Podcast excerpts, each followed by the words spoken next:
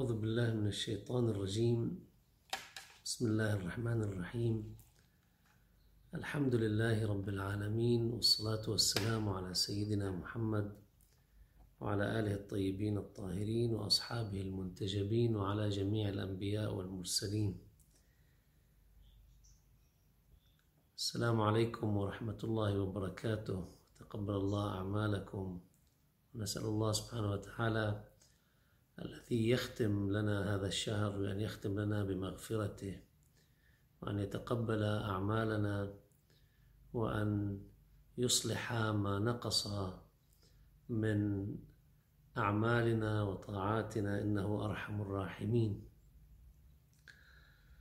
السيد فضل الله رضوان الله عليه كان منذ نعومة أظفاره يحمل الهم الرسالي.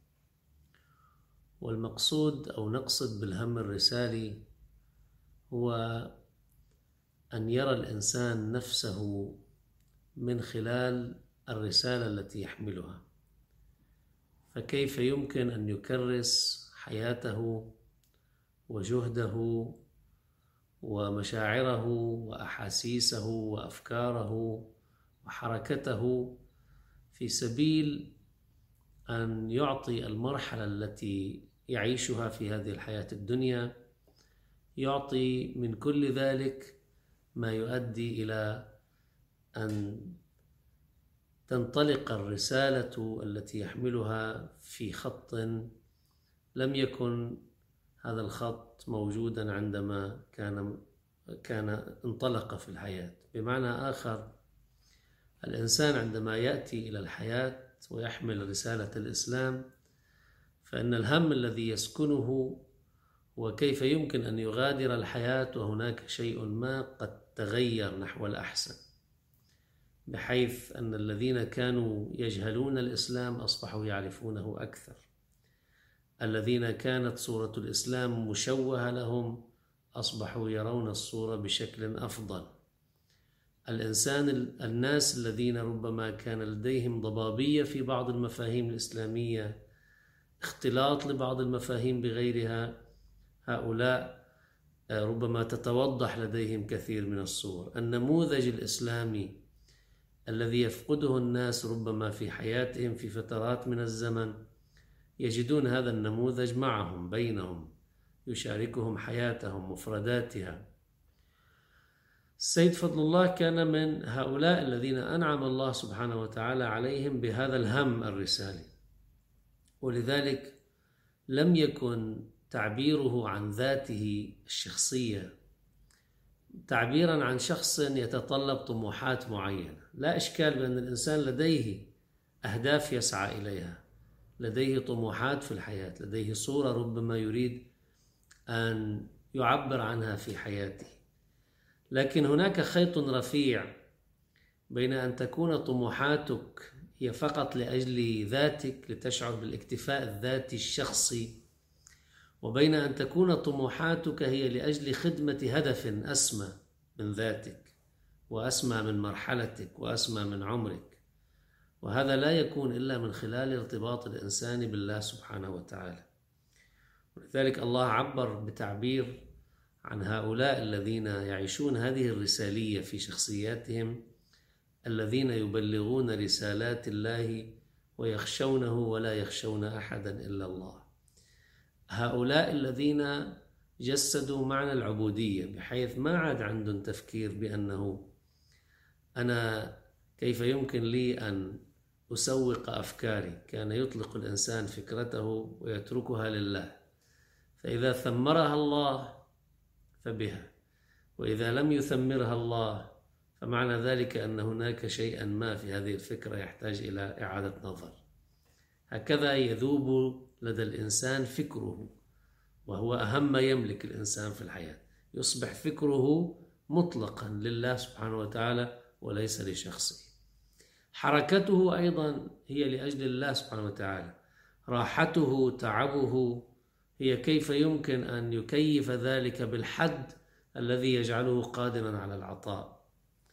هذا اللون من الشخصيات يعيش نوع من التجرد عن الذاتية وعن الأنانية وعن الشخصانية وبالتالي لا يصبح تعاملهم أو حياتهم بين الناس لا تصبح مجرد حياة آه، هناك فيها الكثير من الذاتيات التي تجتذب ذاتيات الآخرين لتتصارع معها. لا هي تسمو فوق الأمور صغائر الأمور المشاعر السلبية ولذلك تجد هؤلاء من أهم صفاتهم أنهم يغفرون أنهم متسامحون أنهم يسمون في العلاقة إلى مستوى ربما لا يكاد يفهمه كثيرون إلا عندما يرحل هؤلاء. ما سأقف عنده في الحقيقة استثمارا للوقت هو بعض الشذرات البسيطة من مواقف في سماء لدى سماحة السيد فضل الله رضوان الله عليه في حياته والتي يمكن لها أن تعكس لنا هذا البعد الرسالي بالتجربة بالحس وبالملموس حتى لا نبقى في إطار العموميات. ولذلك أنا سأستعرض بإذن الله موقفا موقفا وإلا هذه الشخصية فعليا التي ملأت الدنيا وشغلت الناس في أكثر من مجال وجاءت إلى الحياة في مرحلة حساسة جدا وكفلت لها الظروف أيضا مسؤولية كبيرة ألقيت على عاتقها بعد رحيل مجموعة من العلماء الأفذاذ الذين كانوا يعيشون الزمالة مع السيد فضل الله في الدرس والتدريس والعمل الإسلامي. وبالتالي كأن هذا الفرد بقي في هذه الساحة ليختزن هؤلاء كلهم في شخصيته فيعبر عن نفسه ويعبر عنهم في الوقت نفسه.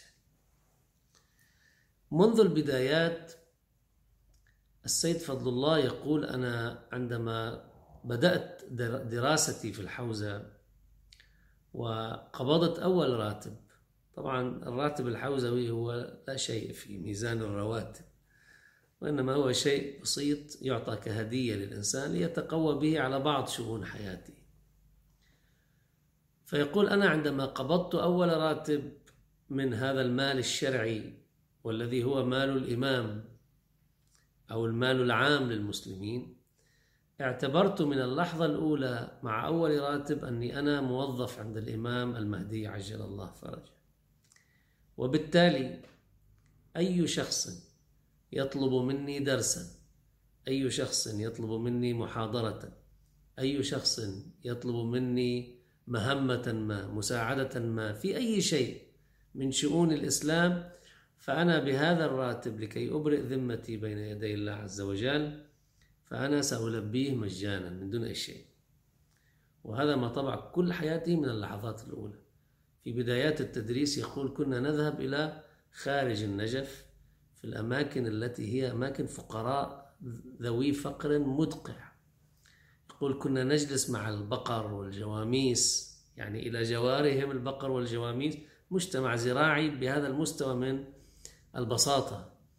لكن كنا نحمل لهم الرسالة العملية لنعرفهم أحكام الله عز وجل.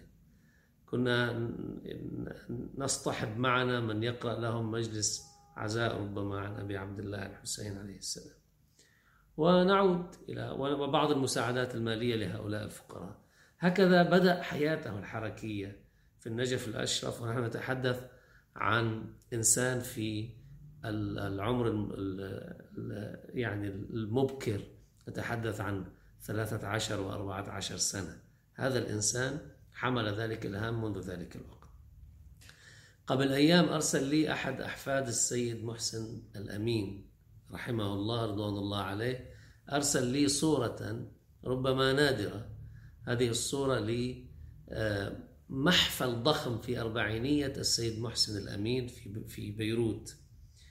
وهذه الشخصية معروف آه، طبيعيتها معروف فكرها معروف تجديدها. هناك شخص ربما لا تكاد لحيته تبين يعني ليس هناك إلا ربما بعض الشعيرات أو الشعر الموجود على اللحية. هذا الشخص عمره ستة عشر سنة وهذه أول زيارة له كانت إلى لبنان وكان في ذلك الوقت يجلس بين الشيبة. وبين العتاعيت من الحركيين الإسلاميين وألقى في وقتها قصيدة دعا فيها إلى الوحدة الإسلامية في عام 1952 ميلادية. دعا إلى الوحدة الإسلامية ودعا إلى الاعتزاز بالهوية الإسلامية ودعا إلى ضرورة أن ينطلق المسلمون في بناء حضاري. هذا الذي كان يسكن ذلك العقل الشاب في مقتبل العمر وبالتالي هو لم يجد نفسه يلعب كما يلعب الكثيرون وإنما وجد نفسه في قلب الحياة في قلب صراعاتها في قلب أحداثها. من المفردات التي تستوقفك في شخصية السيد فضل الله هو مبدأ توزع الأدوار لديه وهذا واضح لديه لمن يرصد حركته مع حركة أقرانه من العلماء. ما كان سماحة السيد يكتب في موضوع كتب فيه وأشبع فيه؟ إذا لم يكن هناك جديد مختلف عما قدمه الآخرون مساحة فارغة لم يتطرق إليها الآخرون إذا لم يكن هناك كذلك فإنه لا يقوم بمنافسة هؤلاء على أمر قد أنتج فيه. يعني واحد ألف كتاب بالعقيدة هذا الكتاب كافي بمعنى يغطي المساحة المطلوبة. ما كان يجي السيد فضل الله لحتى يفرج للناس عضلاته الفلسفية والفكرية والعقدية يجي بده يألف كتاب. ما, ما, ما كان يجد أنه وقته يصرفه على ذلك طالما أن هناك في العمل الإسلامي من غطى هذه المساحة. ولذلك سماحة السيد منذ أن جاء إلى لبنان وهو في موقع الاجتهاد والسيد محمد باقر الصدر رضوان الله عليه الشهيد السعيد كان زميلا له في تلمذتهما على العلماء آنذاك السيد الخوئي والسيد محسن الحكيم وغيره. هذه الزمالة كان يؤلف السيد الشهيد كتاب فلسفتنا مثلا. فيأتي السيد بهذا الكتاب يأتي إلى لبنان من النجف يطبع في بيروت فإنه يأخذ الكتاب ويدرسه لبعض الشخصيات التي كانت تهتم بالعمل الإسلامي آنذاك. عم نحكي هذا في السبعينات من القرن الماضي. بالتالي ما كان يجي والله أنا في كتاب هذا زميلي وعنده بيشعر الإنسان أحيانا بحسد العلماء أو بيشعر الإنسان بأنه والله ما مناسب أنا بموقعيتي أنه أخذ كتاب من كتب زميلي وأنا أدرسها مثلا في آه، في آه، موقع فكري معين في موقع رسالي معين. ما كان عنده الحرج أبدا. هذا النوع من النكران للذات وإلا في كثير من الناس حتى إذا بده يناقش رأي ربما موجود لشخصية معينة معاصرة يقول البعض يقول كذا ويناقشه بمناقشته. طيب شو المانع أنا أذكر اسم فلان؟ شو المانع أنا إذا عجبتني فكرة لفلان آتي بها وأقول أستشهد بها وأقول هذه الفكرة قالها فلان الفلاني ممن هو زميل وربما أحيانا من هو تلميذ ربما. هذا اللون من نكران الذات من عدم اعتبار الذات وإنما الأساس عنده الرسالة تغطية المساحة الفارغة إعطاء ما يحتاجه ما تحتاجه الساحة من فكر ومن توجيه ومن عمل وما إلى ذلك. هذا هو الأساس عنده. لذلك مبدأ توزع الأدوار كان مبدأ أساسيا عنده ولذلك ما فرض نفسه على الآخرين ولم آه، يكرر عملا آه، يتم به الفراغ. حتى عندما يؤلف كتابا أفرض تفسير القرآن مثلا. تفسير القرآن كثيرون ألفوا قبله في تفسير القرآن. لكن لماذا ألف السيد فضل الله في تفسير القرآن؟ لأنه وجد بأن هناك بعدا حركيا في تفسير القرآن لم تستطع كل التفاسير السابقة أن تقدمه ولذلك شكل تفسيره إضافة. لولا هذه الإضافة ما كان السيد ألف في تفسير القرآن أصلا. هذا اللون من التوزع الأدوار هو ميزة أساسية ويمكن أن يبنى عليها أيضا في العمل الإسلامي. الأمر الآخر في هذا الجانب بالذات أذكر بعض الإخوان من المتدينين مجموعة من الشباب المؤمن يثق يعرف السيد بعضهم على الأقل ويثق بهم. أرسلوا له مرة من الولايات المتحدة الأمريكية. قالوا له نريد أن نؤسس مركزا في مدينة معينة.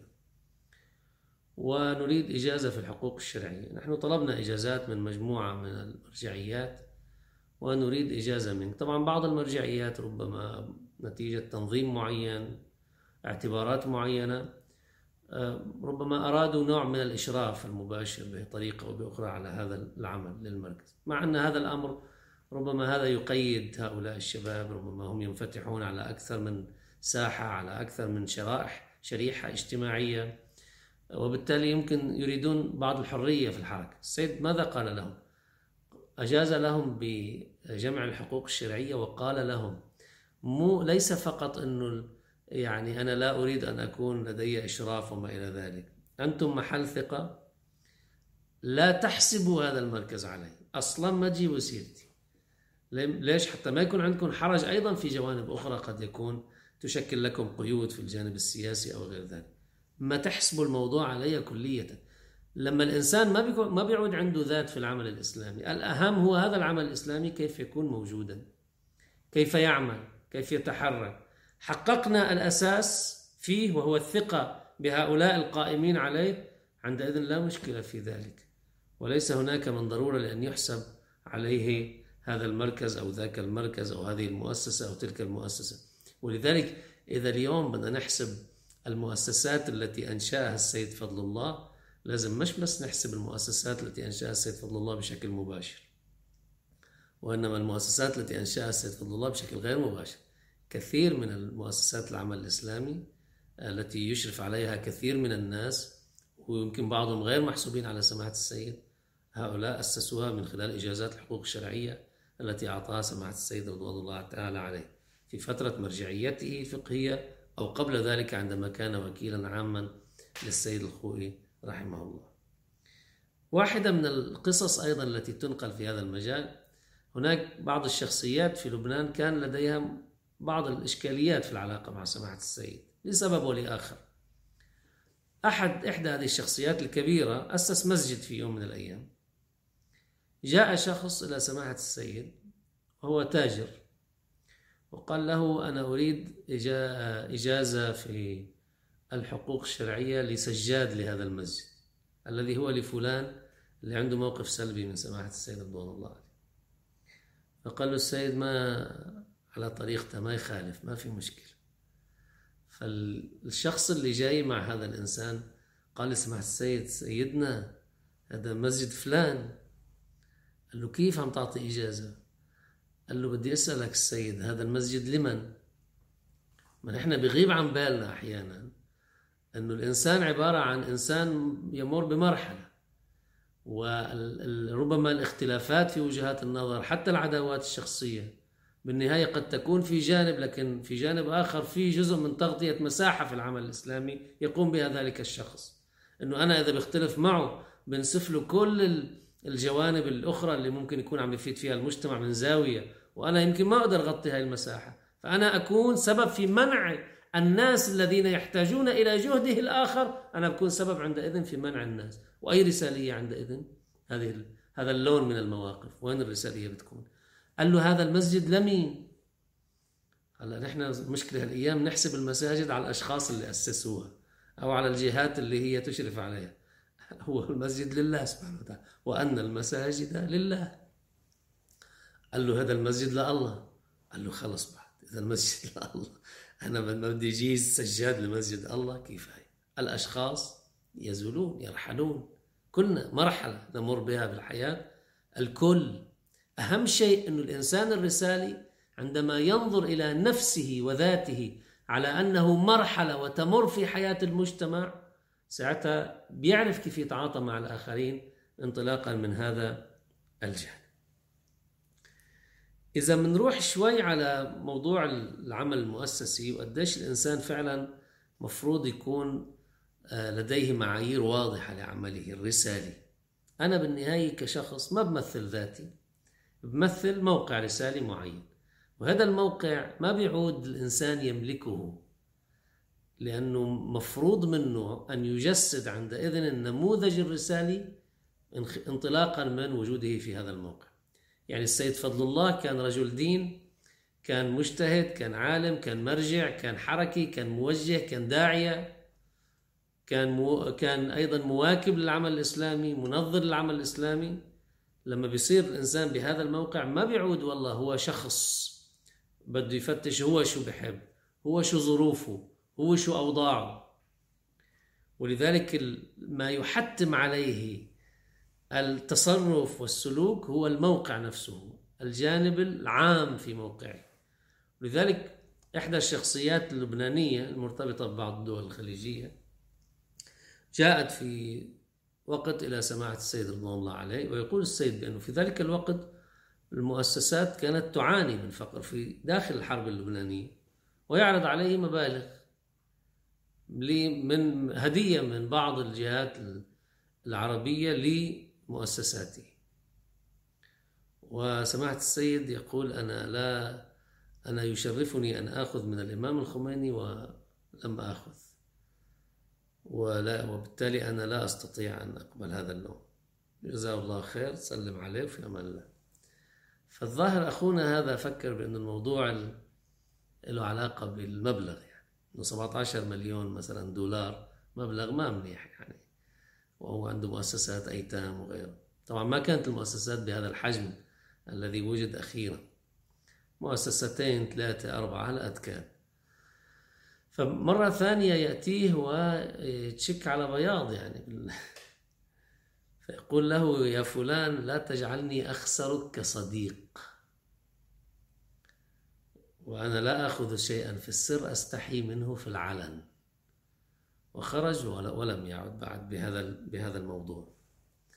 طبعا هذا الإنسان اكتسب السيد عنده احتراما كبيرا وكان يصرح عند كثير من الناس أن الوحيد فلان كان له موقف كذا وكذا وكذا. العبرة وين؟ العبرة أنه سماحة السيد بيقول في ذلك الوقت المؤسسات كانت لديها مشكلة مالية فعلية ورفض هذه المبالغ في هذين الموقفين. يقول أنا في العام نفسه تعرفت في حملة من حملات الحج على مجموعة من المؤمنين الذين شعروا بالثقة وأرادوا أن يزاوجوا بين مالهم وبين هذا هذه الخدمة الاجتماعية للناس. وفعلا اللي بيراقب فعليا طفرة البناء وإنشاء المؤسسات في مسيرة سماحة السيد يجدها من تلك النقطة. هذا بعيدنا لشو؟ بعيدنا إلى أنه ابتلاء الأنبياء في كثير من مواضع الاختبار بمجرد أن ينجح الإنسان في الاختبار الله سبحانه وتعالى يمده بأضعاف مضاعف وإذ ابتلى إبراهيم ربه بكلمات فأتمهن قال بعدين بس أتمهن قال إني جاعلك للناس إماما. رسالة إبراهيم شكلت إمامة لرسالات الأنبياء اللاحقين. إمامة إبراهيم هي بهذا المستوى. كل هلأ دين بيجي بيحسب حاله على إبراهيم عليه السلام. ليش؟ لإمامة إبراهيم. انطلاقا من شو؟ انطلاقا من إتمامه لهذه الابتلاءات التي ابتلاها الله ابتلاه الله بها. طيب سماحة السيد رضوان الله عليه تعرف على هؤلاء مؤمنين خيرين طاهرين وما طالب شيء لنفسه من هؤلاء كذلك. وهم ممنونين شوف واحد بيجي بيعطيك مال وبيملكك. لا هؤلاء يدفعون المال وهم ممنونون أنه تهيأ لهم من يثقون به ليحول مالهم إلى عمل يخدم المجتمع. ويكون صدقة جارية عنهم أو عن والديهم أو ما إلى ذلك. تخيل كيف العلاقة وين, وين العزة بتكون عندئذ؟ قديش حجم العزة اللي بيكون عند الإنسان؟ هو عم ياخذ مال من الناس. أنا ما عم باخذه لشخصي. هذا جانب من جوانب العزة. اثنين هذا الشخص هو شاعر بأنه ممنون لسماحة السيد وليس العكس. وسماحة السيد ما عنده مشكلة بالعكس كان يشكر هؤلاء ويتحدث عنهم بكل خير وأحيانا على المنبر. اعترافا لجميل هؤلاء وفضل هؤلاء وهو ما عنده شيء شخصي بالنهاية. هول هذا البعد الرسالي آه، مرصود في حياة سماحة السيد بعلاقته مع هؤلاء. حتى بعض الناس صار عنده مرات بعض الأغنياء كان عنده مشكلة آه، ب آه، خلينا نقول وضع اقتصادي معين ضائقة معين. وكان من داعمين أساسيين فقيل لسماحة السيد رضوان الله عليه أنه فلان صار عنده مشكلة وكذا. قال مين اللي هيأ فلان؟ اللي هيأ فلان يهيئ إما فلان من جديد وإما يهيئ غير فلان. أنا ما عندي شيء إلا العمل الإسلامي ما عم بأخذ شيء لشخصي لا هم. هاي المؤسسات والعمل لله سبحانه وتعالى بده إياه يمشي بيمشي ما بده إياه يمشي. بلا ما يمشي. بالعكس أنا بكون آه، خففت عن نفسي ثقل وحمل. يوم القيامة بخفف أسئلة يوم القيامة ليش عملت هيك وليش سويت هيك وليش أخذت هذا القرار وكيف توجهت بهذا التوجه. أنا بخفف أسئلة. الله ما بده هذا العمل خلاص. ما عندي شيء شخصي ما عندي شيء ذاتي. هذا اللون بحرر الإنسان. بحرره من كثير من القيود اللي كثير من الناس بتوقع حالها فيها من دون أن تدري. مثلا ب يعني بعدنا بإطار المؤسسات بحرب تموز عام 2006 بنعرف بأنه هذه المؤسسات تعرضت بما لم تتعرض له أي مؤسسة إسلامية أخرى من تدمير ممنهج. بعض الناس بيبعثوا لسماحة السيد اللي هي مواقفه كانت عالية جدا. بيبعث له سماحة السيد إنه أنت شوي مزودة. إنه شوي خليك دبلوماسي بالحكي. خفض المستوى شوي ما مطلوب منك هالقد. وأنت معذور يعني. إذا بدنا نحكي بهيك بالخلافات الشخصية في بعض الأمور اللي كانت كثير من الناس يمكن يتناولوا سماحة السيد بطريقة سلبية في ذلك الوقت. خلص أنا بعتبر حالي ما خصني فيهم.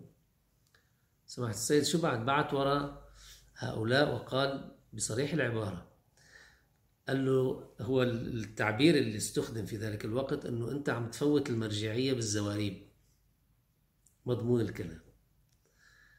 فبعت وراء هؤلاء أو أرسل لهؤلاء. طبعا بالحرب ما في إمكانية للتواصل كثير بس هذا الموضوع كان يشكل عنده موقف بده خلص الملف كيف بده فتح بده يتقفل. كيف لازم يتقفل؟ بما تقتضيه الرسالية عن سماحة السيد. شو إجا قال السيد لهؤلاء؟ إجا قال له المرجعية التي تتحدث عنها لا تساوي عندي حذائي. المرجعية اللي بتتحدث عنها بهذا الشكل اللي هي ناحية ذاتية لحتى تخليني أنا ما أوقف الموقف الإسلامي الذي يحمي الحركة الإسلامية والمقاومة الإسلامية ويحمي الواقع الإسلامي من عدوان صريح وواضح ومعروف الحق فيه والباطل فيه. بدي أنا كرمال شو؟ كرمال شوية آه، دبلوماسية معينة أو شو أنا عم دير سياسي. لا تساوي عندي هذه المرجعية قطرة من دماء الشهداء اللي عم تسقط الآن بالساحة. وهذا كان موقف هذا موقف مش والله واحد واقف على المنبر لا هذا موقف في قلب القلب بالغرف المغلقة. لذلك ما كان عنده شخصيتين شخصية برا بيحكي شيء شخصية جوا بتحكي شيء تاني. وهذا اللي ربنا يمكن وشفناه لسماحة السيد بكثير من المواقف إنه كيف هو هو نفسه في الداخل لا يختلف عنه في الخارج. أنا واحد من الناس اللي تعرفت على الوالد رحمة الله عليه بالمسجد. كان عمري بالعشرة 12 11 12 سنة وبلشت تردد على مسجد الإمام الرضا في بئر العبد. بالثلاثة درس تفسير بالخميس موعظة روحية بالجمعة خطبة جمعة وسياحة إلى كل العالم الإسلامي.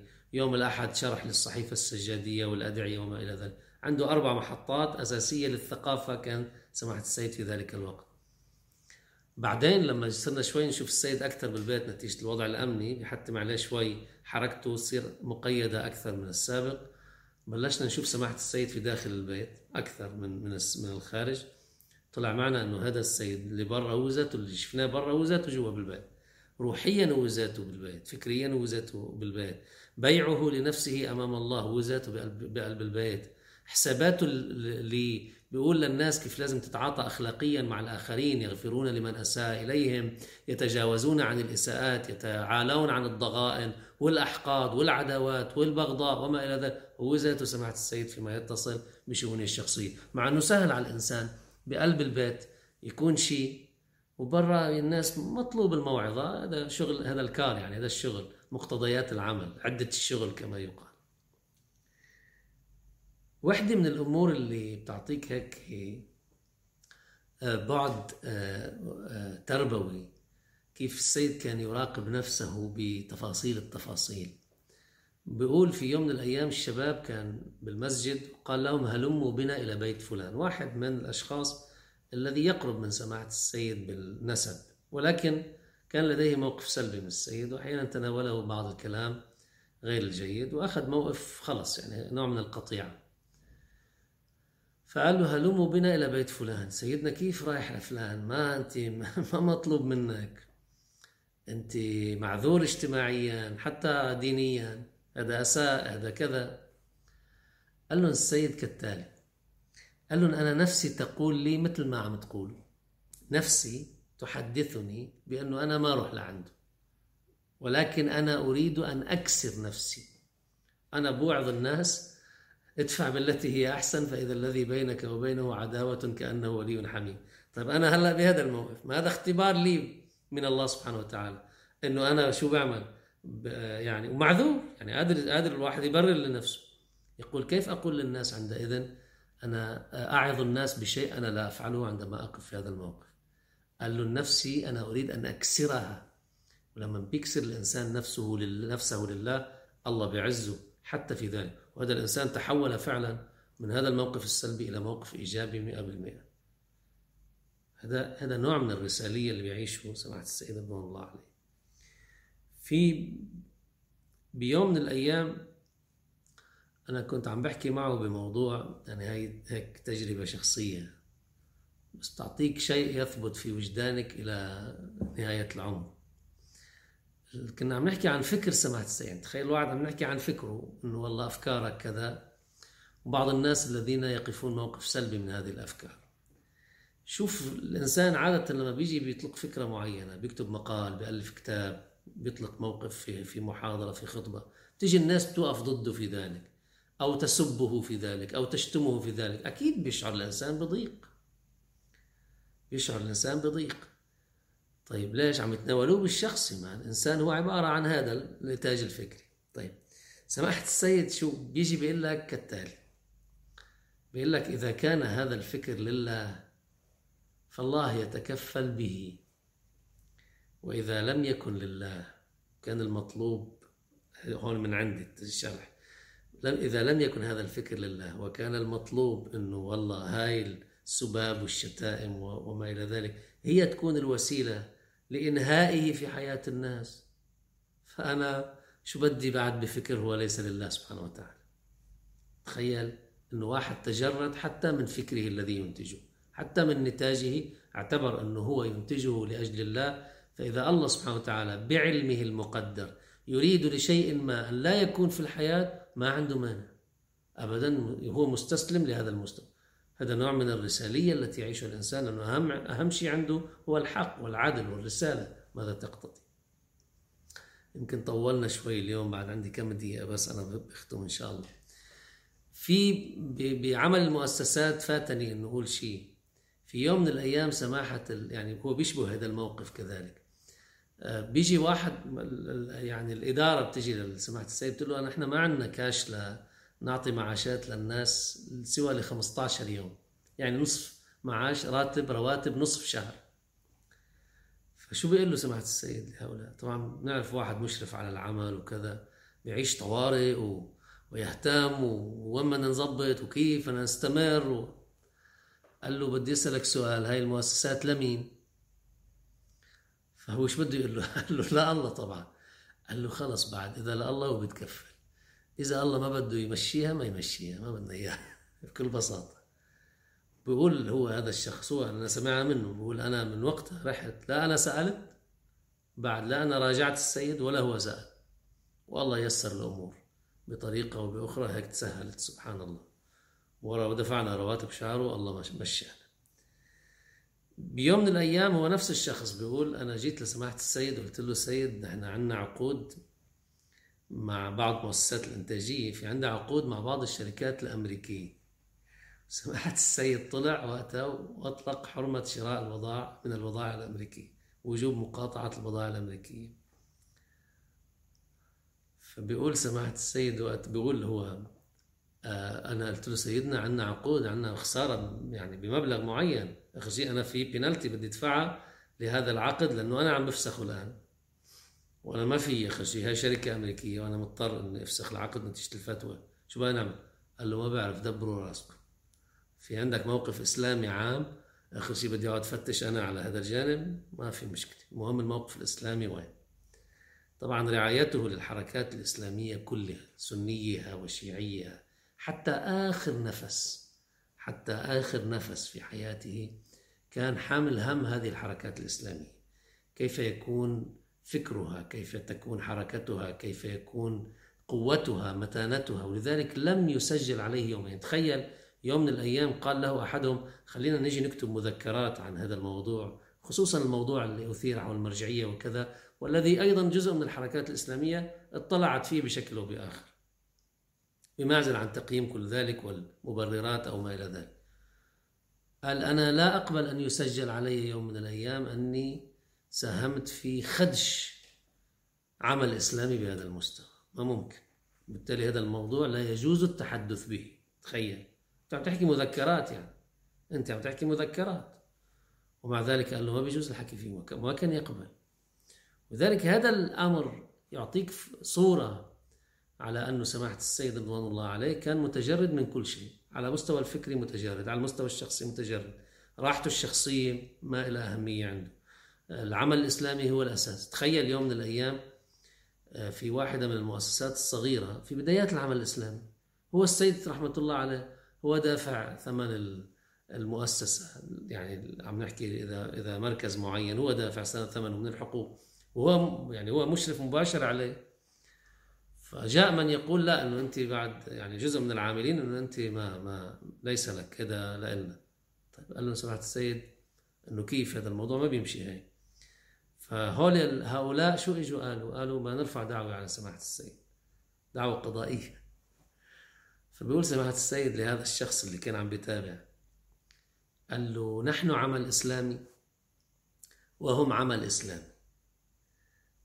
أنا لست مستعدا أن يوقفني الله سبحانه وتعالى يوم القيامة ثانية واحدة يقول لي أنت من خلال لجوئك أو قبولك بأنه يلجأ إلى القضاء لحتى تحصل أنت ترجع على هذا العمل الإسلامي ويكون تحت إشرافك مباشر أن يوقفني ويقول لي أنت أوقفت عملا إسلاميا للحظة واحدة أنا مش مستعد أوقف أترك الموضوع ولا بعد طالب بشيء.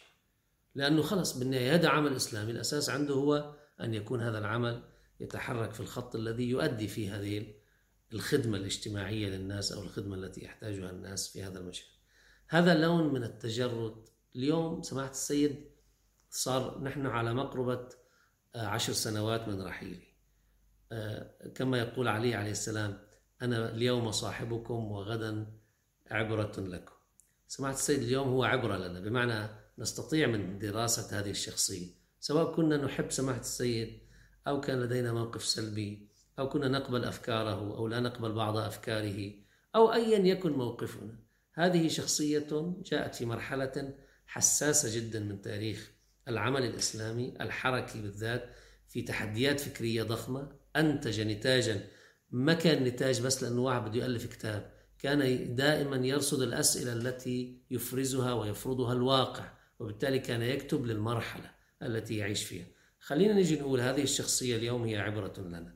هذا نوع من المواقف البسيطة والتي عند الناس أضعاف مضاعفة منها. كل واحد كان يلتقي بسماحة السيد لأنه ما كان سماحة السيد محجوز عن الناس. ولذلك ستجد أن كل من جاء إلى سماحة السيد لديه تجربة شخصية مع سماحة السيد ربما نحن نجهلها الذين كنا أقرب الناس إليه نسبا أو عملا. طيب اليوم هذه الشخصية ألا تحتاج منا إلى دراسة حقيقية نأخذ منها عبره دروس لكيف ندير عملنا الإسلامي؟ كيف نتعاطى مع بعضنا البعض؟ كيف نتوزع الأدوار؟ كيف نتجرد من ذاتياتنا من أنانياتنا؟ كيف نتسامى على أحقادنا وعداواتنا ومشاعرنا الشخصية؟ هذا الأمر اليوم هو اللي بيعطينا هذا التماسك الاجتماعي هو اللي بيخلي الخيمة الإيمانية هي مصدر اعتزاز هي محل نظر الله سبحانه وتعالى لتوفيق الله لتسديد الله. أحيانا كثير من المشاكل اللي بتكون حوالينا يمكن حتى ضائقة اقتصادية كعمل إسلامي بنعانيها لازم نروح نفتش فعليا إنه في شيء بمنسوب الإخلاص لله سبحانه وتعالى نزل لأنه ما ما طبيعي اخر شيء. إذا كان هذا العمل لله والله هو الرزاق ذو القوة المتين لازم الموضوع يمشي ما لازم يوقف. فلعله الله سبحانه وتعالى يختبرنا في شيء ما. هذا اللون من التحفز الدائم لرصد رضوان الله عز وجل لرصد كل ما يريده الله سبحانه وتعالى من الإنسان. هذا اليوم عبرة لنا نحن لأنه كثير عم نعاني من مشاكلنا بالعالم الإسلامي هو من خلال ابتعادنا عن هذا النموذج اللي هو نموذج كان رائد وفريد وموجود لدى كثير من علمائنا السابقين واللاحقين لكن اليوم شكلت شخصية سماحة السيد نقطة ربما جدل كبير جدا. نحتاج اليوم نبعد مسافة لله سبحانه وتعالى ندرس هذه الشخصية نستفيد منها والله سبحانه وتعالى سيحاسب الجميع يوم القيامة. يمكن هاي بعض الأفكار اللي الواحد بلاقي أنه بحاجة يمكن. هلأ منيح عم نختم الشهر بهذه الشخصية لحتى ناخذ منها هذا اللون من الاعتبار. لعل حياتنا العملية والحركية الإسلامية ربما تأخذ ببعض هذه القواعد فيتحول حالنا إلى أحسن الأحوال والحمد لله رب العالمين.